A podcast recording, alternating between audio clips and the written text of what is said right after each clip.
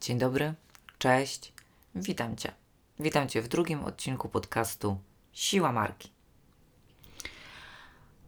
Wiecie co, yy, tak sobie pomyślałam, już w sumie po fakcie, po nagraniu pierwszego odcinka, po opublikowaniu go, że tak zaczęłam w ogóle no bardzo ciężko z takim mega ciężkim tematem, bo po prostu wjechałam na wstępie y, z pięcioma bardziej lub mniej obiektywnymi powodami, y, przez które Twój biznes może się nie udać.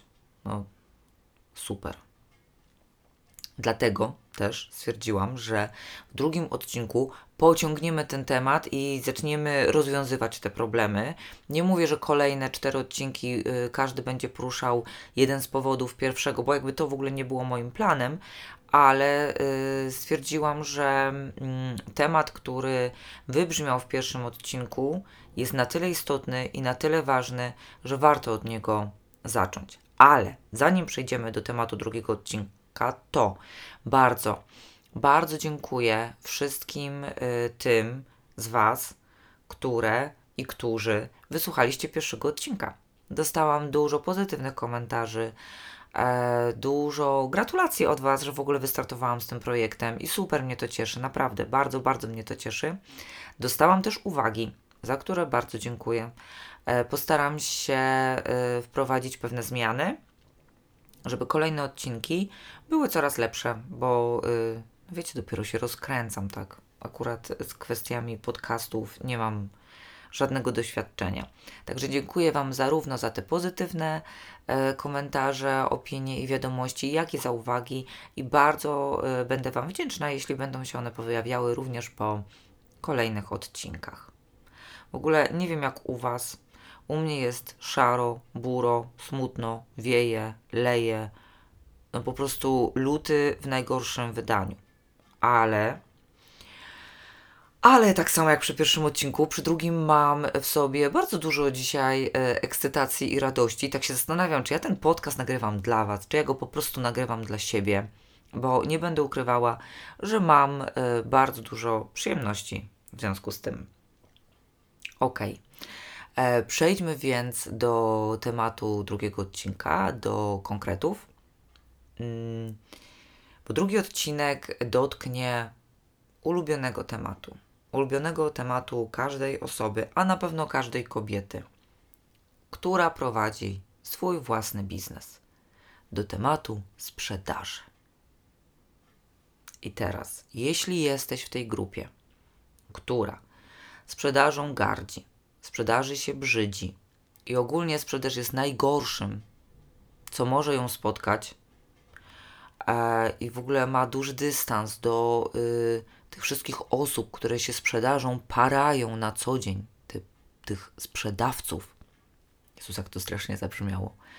To bardzo Cię proszę, nie odchodź ode mnie w tym momencie. Nie porzucaj tego odcinka z myślą, że wrócisz dopiero jak będzie e, opublikowany trzeci, tylko zostań. Zostań ze mną i posłuchaj, proszę, bo ja tą sprzedaż będę się starała dzisiaj trochę odczarować.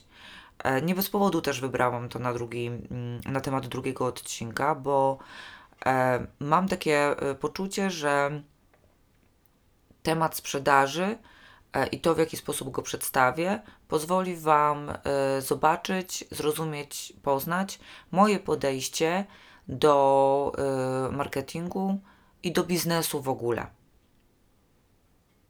Dlaczego mówię, że do biznesu w ogóle? Bo na wstępie myślę, że ważne, ważne jest to, żebyśmy mm, zdali sobie sprawę z jednej rzeczy.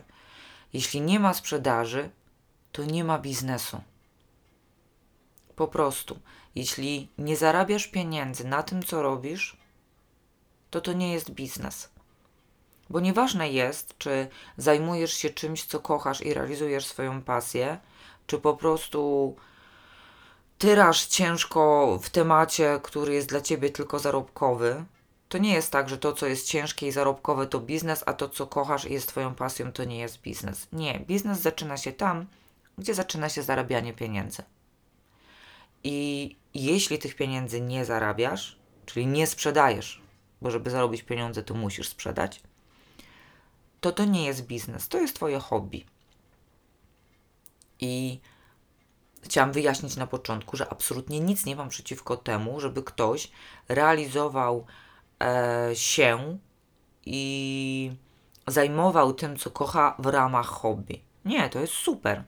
Jeśli masz, tworzysz jakieś produkty, dodatki do domu, szyjesz ubrania, e, czy y, nie wiem, pleciesz makramy, bądź dzielisz się w ramach swoich usług swoją wiedzą, wspierasz innych w samorozwoju, pomagasz im w trudnych sytuacjach, uczysz ich angielskiego i nie pobierasz za to pieniędzy, to super, jeśli masz taką możliwość. Jeśli masz inne źródła dochodu, jeśli otrzymałaś wielki spadek po cioci bądź wujku z Ameryki, jeśli twój partner, partnerka cię utrzymują, to super. Tylko to nie będzie biznes. To jest twoja, twoje hobby, twoja pasja. Większość z nas jednak, e, nawet jeśli realizuje się zawodowo w obrębach e, tematów, które są ich pasją, musi na tym zarabiać. Musi bądź chce na tym zarabiać. Nie chce gdzieś tam dodatkowo pracować na etacie, a zajmować się tym tylko po godzinach. I w momencie, kiedy wchodzi e, chęć zarabiania na tym, co robimy, no to wchodzi sprzedaż. A jak wchodzi sprzedaż, to zaczyna się biznes. Dlatego e, ta sprzedaż z tym biznesem jest nierozerwalnie połączona.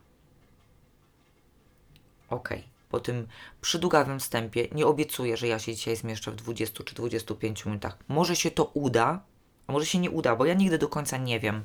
E, wiecie, mam plan, mam tutaj punkty, które chcę poruszyć, ale jak to popłynie, to, e, to nie wiem. Przechodząc już do konkretów. E, słuchajcie, dzisiaj zajmiemy się sprzedażą w ramach trzech zagadnień. Pierwsze zagadnienie to będą obawy i przekonania na temat sprzedaży i jak sobie z nimi radzić. Drugie zagadnienie to będą najczęstsze błędy, które popełniamy w treściach sprzedażowych, w tworzeniu treści sprzedażowych. I trzecie zagadnienie to będą składniki dobrej oferty, czyli jak tych błędów nie popełniać. To lecimy, bo dzisiaj dużo rzeczy do przegadania.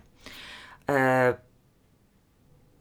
zagadnienie pierwsze, czyli te obawy i przekonania. I słuchajcie, w sumie to na tych obawach i przekonaniach, to ja mam takie wrażenie czasami, że można by zacząć i zakończyć. Bo to, co się dzieje w naszej głowie w związku ze sprzedażą, to jest w ogóle jakiś kosmos. W grudniu prowadziłam warsztaty dla kobiet, które mają małe biznesy, właśnie e, z komunikacji sprzedażowej. I miałam tam określony czas na to, żebyśmy zaczęły od obaw i przekonań. I tam po prostu tak popłynęło, tam się tak wylało, że ja się zastanawiałam, czy my w ogóle przejdziemy do innych tematów. Bo wiecie, to jest tak, że ja się w ogóle zastanawiam się, czy kolejnych warsztatów sprzedażowych, które będę robiła, nie oprzeć głównie o przekonania i obawy. Mm, bo ja widzę że później, że jak to prze, przez ten temat przebrniemy, to sobie przepracujemy, przegadamy, to nagle się okazuje, że nie ma problemu ze stworzeniem treści sprzedażowej, posta, newslettera, nie wiem, oferty na stronę. Nie ma. Nie ma problemu z tym, żeby y, przygotować tą swoją ofertę. Problem polega na tym, że duża część z Was w ogóle do tego tematu nie podchodzi. Właśnie z powodu tych swoich obaw i tych przekonań.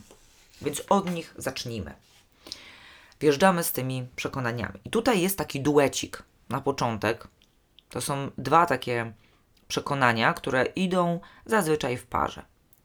I ta narracja zaczyna się tak.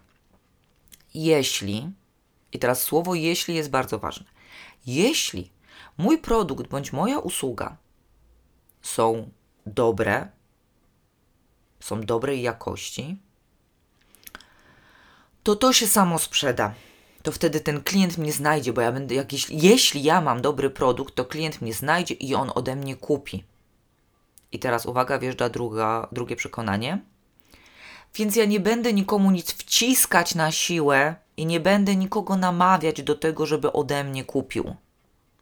Bo jeśli mój produkt jest dobry, to on sam to kupi. No i super. No i jeśli, jeśli masz takie przekonanie, jeśli tak myślisz, a wiem, że wiele z Was tak myśli, bo z wieloma z Was rozmawiałam na ten temat i wiele z Was w temat sprzedaży właśnie od tych stwierdzeń zaczyna. Więc jeśli Ty też tak myślisz, to naprawdę jest bardzo krótka droga do tego, żeby Twój biznes się nie rozwinął. Bo wiesz, co się dzieje. Później, jeśli nie sprzedajesz, to stwierdzasz, aha, to mój produkt bądź moja usługa nie są dobre, bo nikt nie przyszedł ich kupić.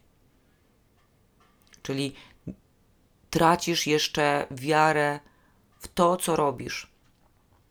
Powiem Wam tak. Ja jestem przekonana, naprawdę, że mój produkt jest dobry. Kurs, który stworzyłam, naprawdę jest dobry. E, wszystkie osoby, które przez ten kurs przeszły, potwierdziły mi to swoimi opiniami. Zresztą czuły, jak nam się pracuje, co się dzieje. Ale czy ja, pomimo mojej wiary, bo u mnie nie ma tego jeśli, pomimo mojej wiary, czy ja siedzę i czekam, że klient mnie sam znajdzie i do mnie przyjdzie?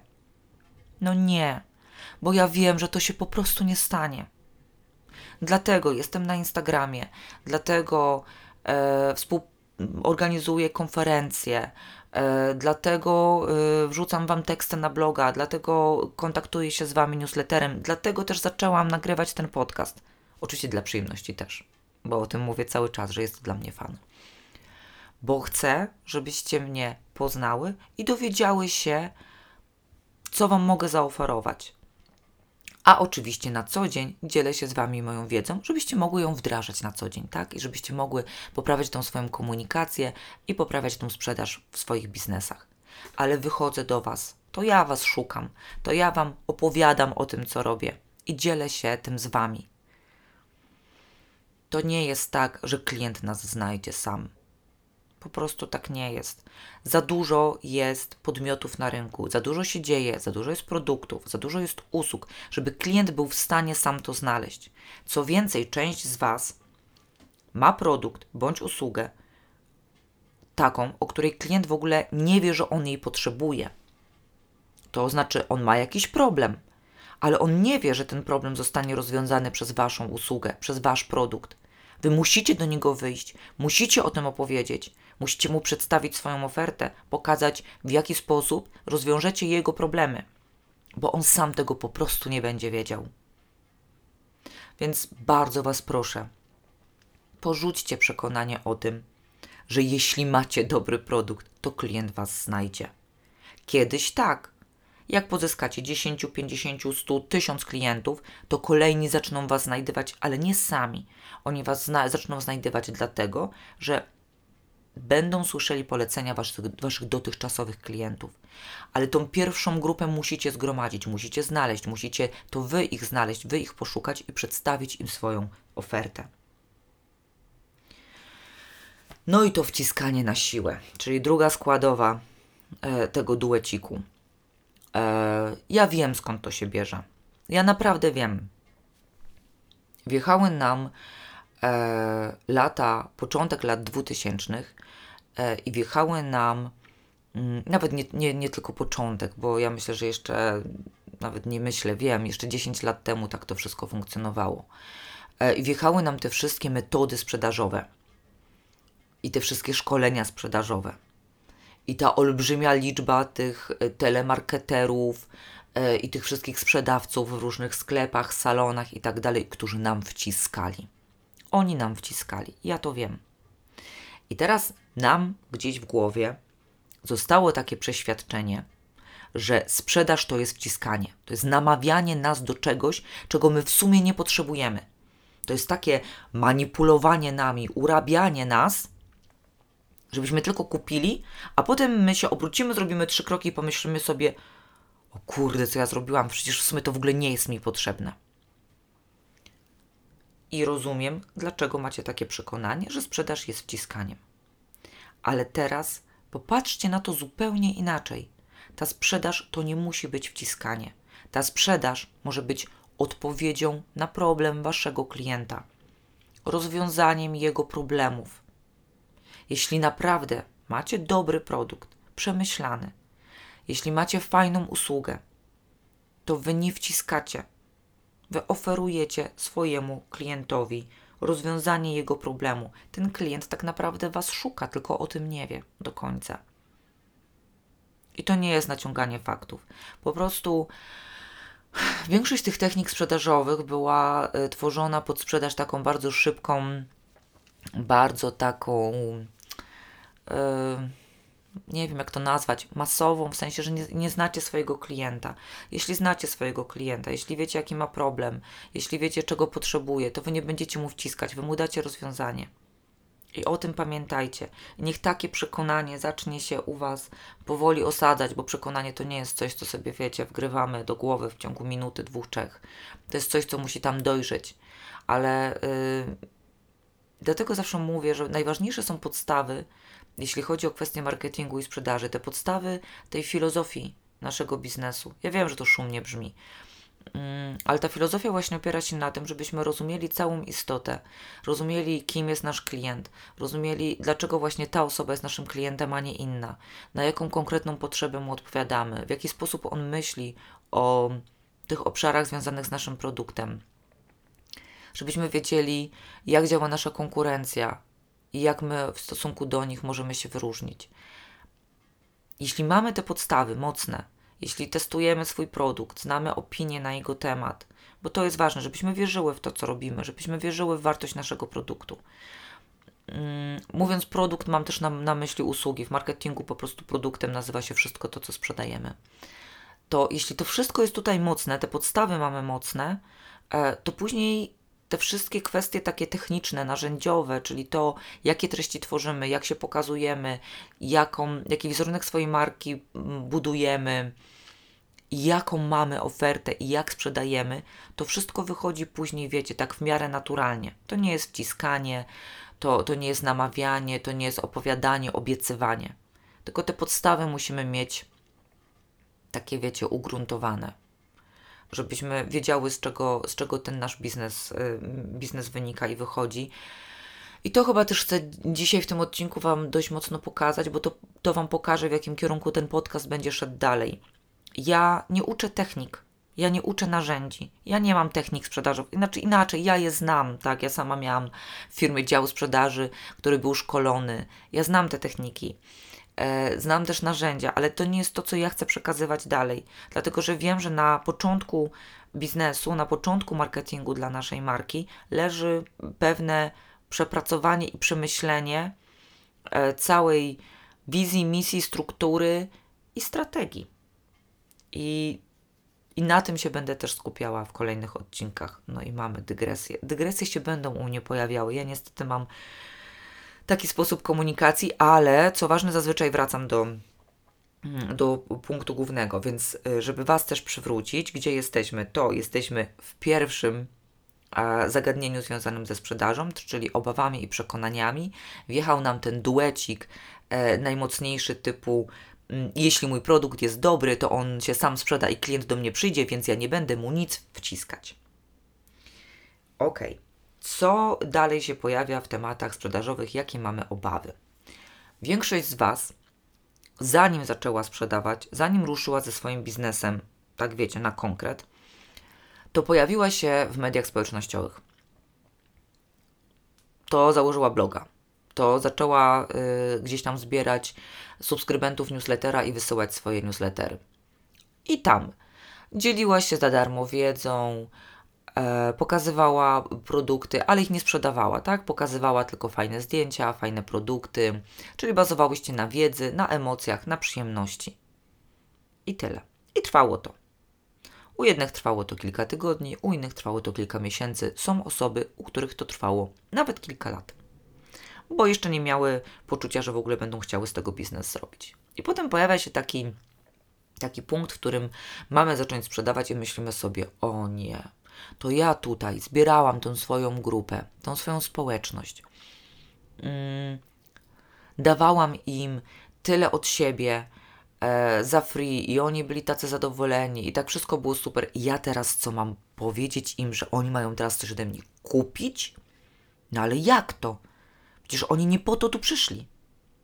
To oni się obrażą, oni się poczują oszukani, oni po prostu ode mnie odejdą. I widzimy gdzieś tam przed oczami ten moment, jak oni wszyscy po prostu, wiecie, klikają to unfollow, co nie? I odchodzą. No i okej. Okay. Teraz wracamy do początku. Czy ty chcesz mieć biznes, czy to jest twoje hobby? Jeśli to jest twoje hobby, i nie zależy Ci na sprzedaży, to nie rób tego, to nie sprzedawaj, to dopieszczaj tych swoich fanów, miej tą swoją społeczność i super, bo możesz się realizować w ten sposób i nie musisz sprzedawać.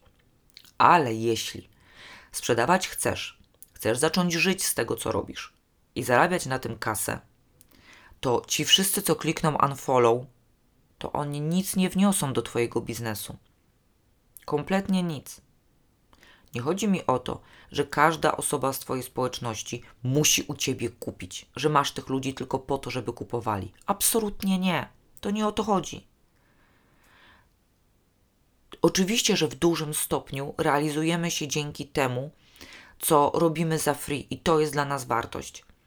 Dla mnie olbrzymią wartością, dla mnie osobiście jest każdy live, którego robię, każdy webinar, który poprowadzę, każdy podcast, który nagram, bo po prostu lubię dzielić się wiedzą i mam takie poczucie, że jeśli jestem w stanie komukolwiek, w czymkolwiek pomóc, tym co powiem, napiszę, pokażę, to super i to jest dla mnie wartość.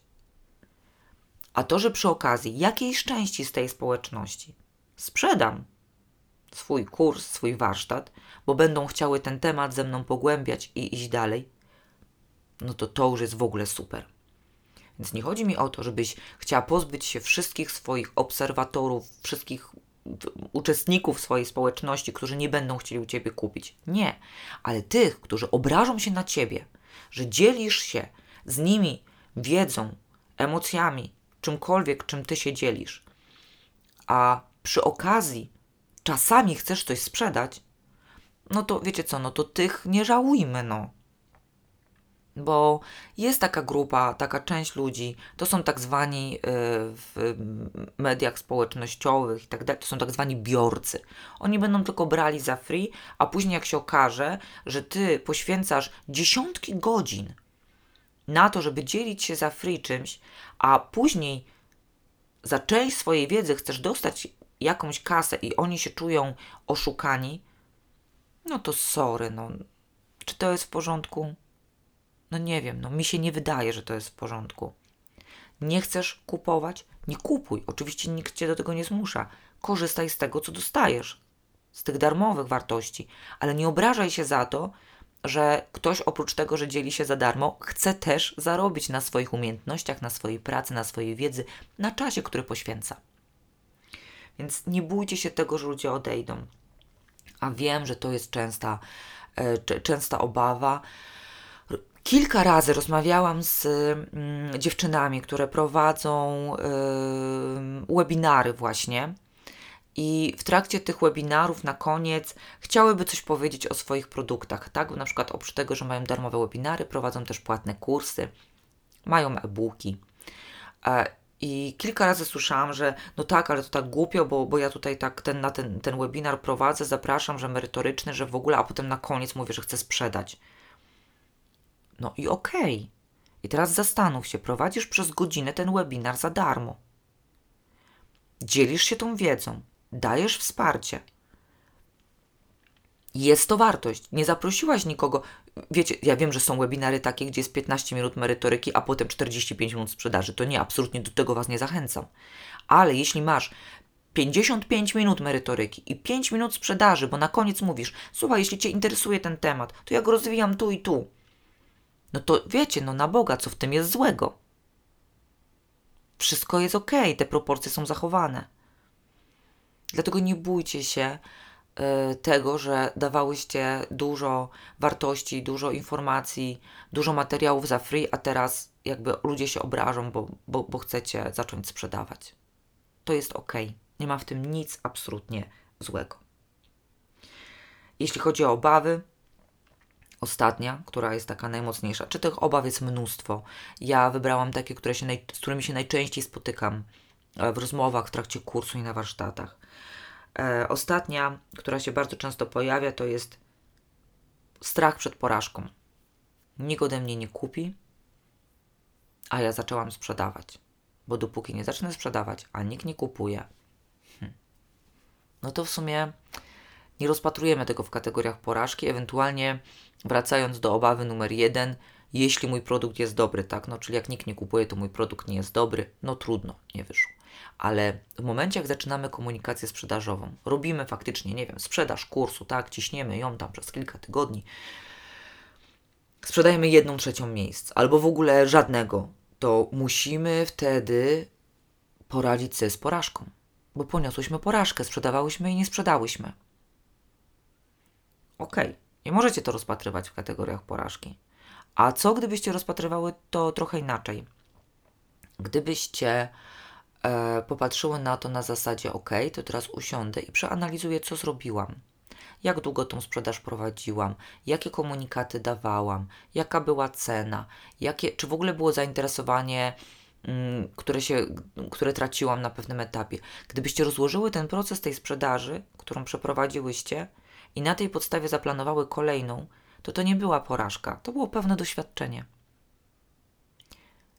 Każdy ma lepsze i gorsze momenty sprzedażowe. Różne rzeczy się na to składają.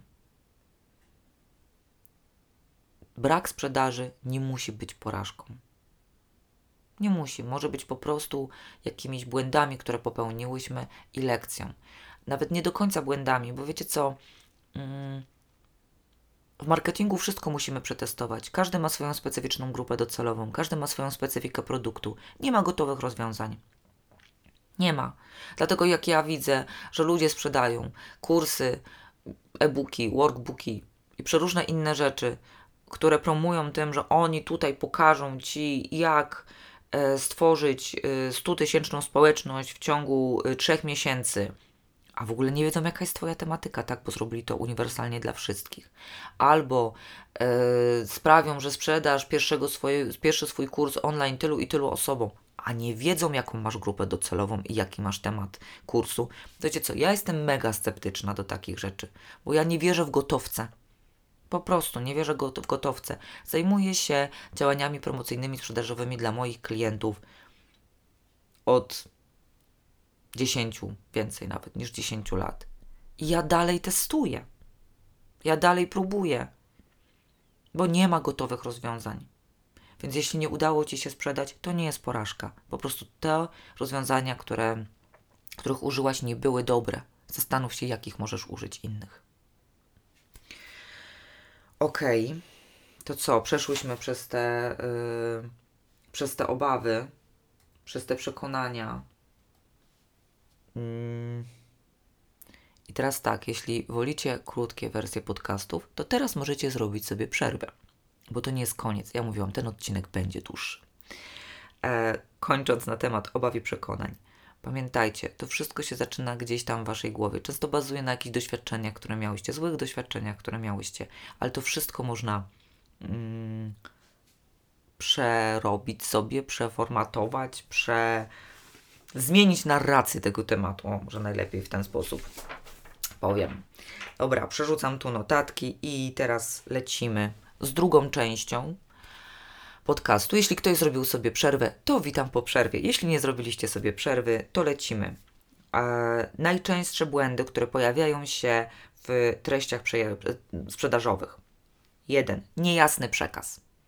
Brakuje albo ceny, albo y, o mm, detali dotyczących oferty, produktu, opisu usług. Wiecie, nie, nie jest to jasne. Ja, ja nie wiem, jak, jeśli ja w pierwszym momencie, nie tylko ja, jeśli klient nie widzi w pierwszym momencie, yy, co dostaje, ile za to płaci, przekaz jest niejasny.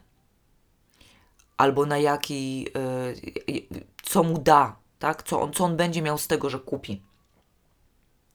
Jeśli oferta jest zbyt zakmatwana, no to niestety ciężko Wam będzie sprzedać. Najlepiej, jeśli tworzycie jakąś ofertę, i tu mówiąc oferta, mam na myśli to, co dacie, dajecie na stronę internetową, albo do posta, albo do newslettera, czyli po prostu ta treść, która ma Wam sprzedać coś konkretnego, to rozumiem jako ofertę.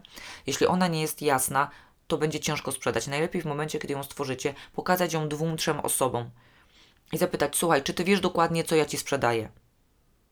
Jeśli ta osoba nie jest w stanie w jednym, dwóch zdaniach odpowiedzieć, co jej chcesz sprzedać, to znaczy, że trzeba tą ofertę przerobić. Po prostu.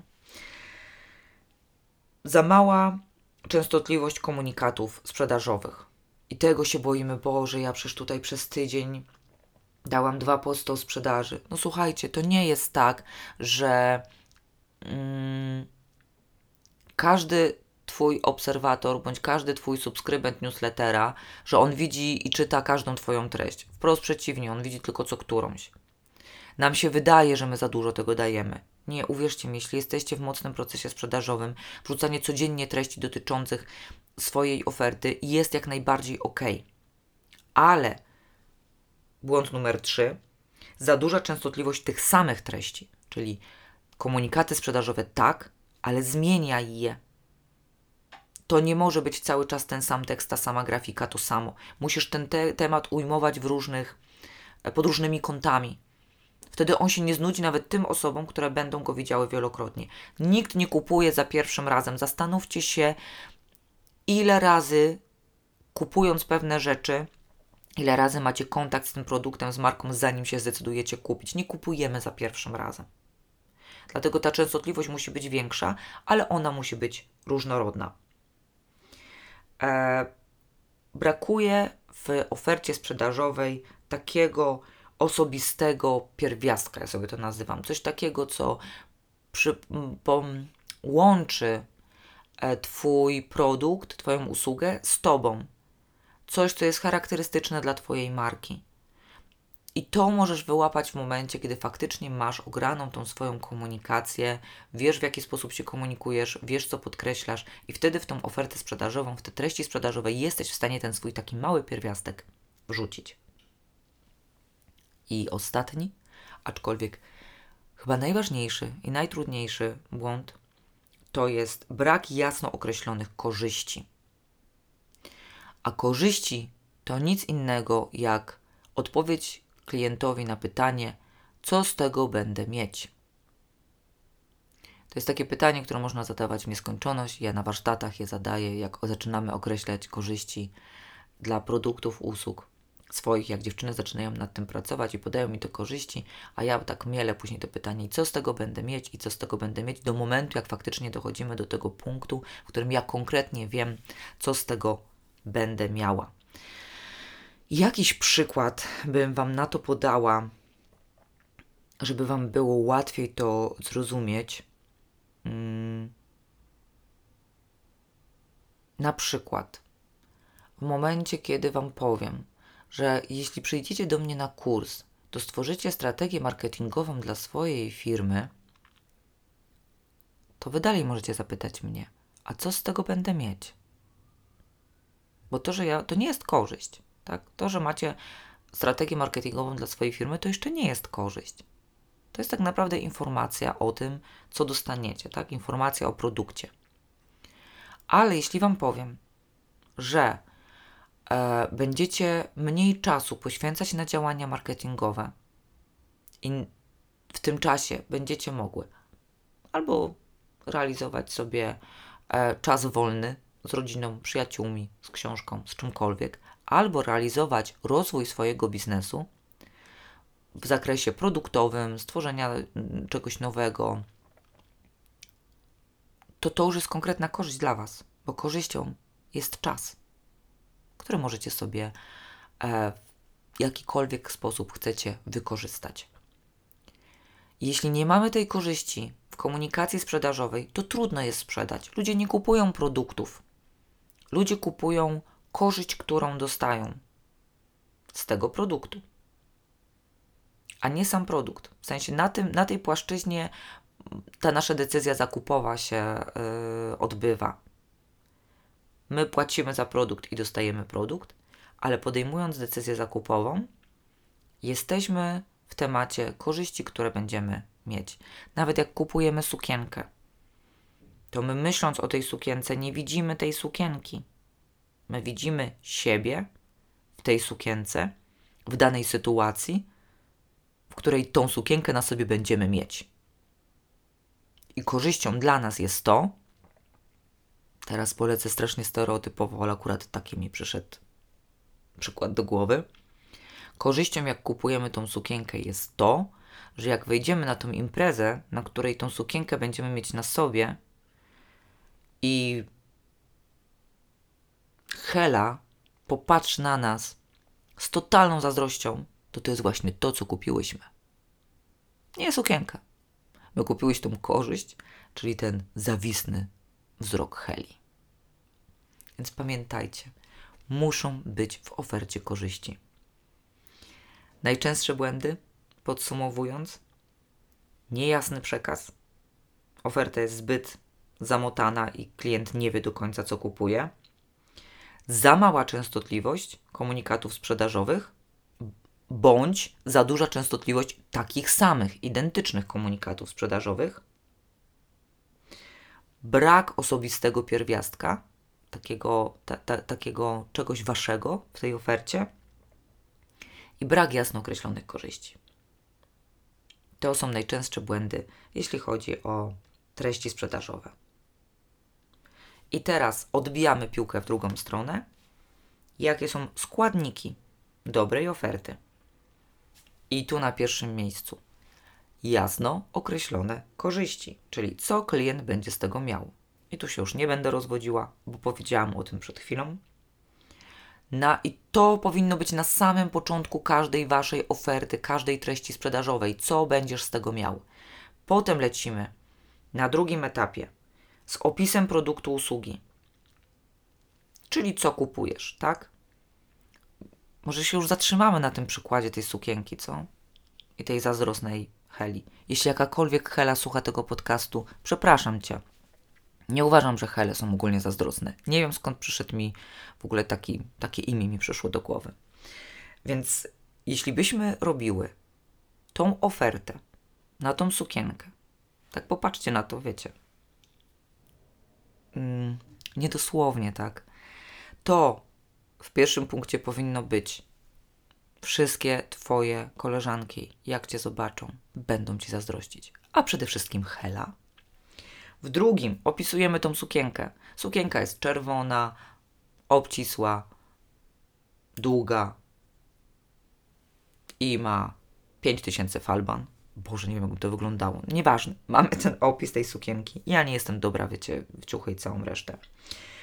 E, później dostajemy ramy czasowe i cenowe, czyli ta czerwona falbaniasta sukienka kosztuje e, 350 zł, ale przez najbliższe 3 dni jest na promocji, możesz ją kupić za 300.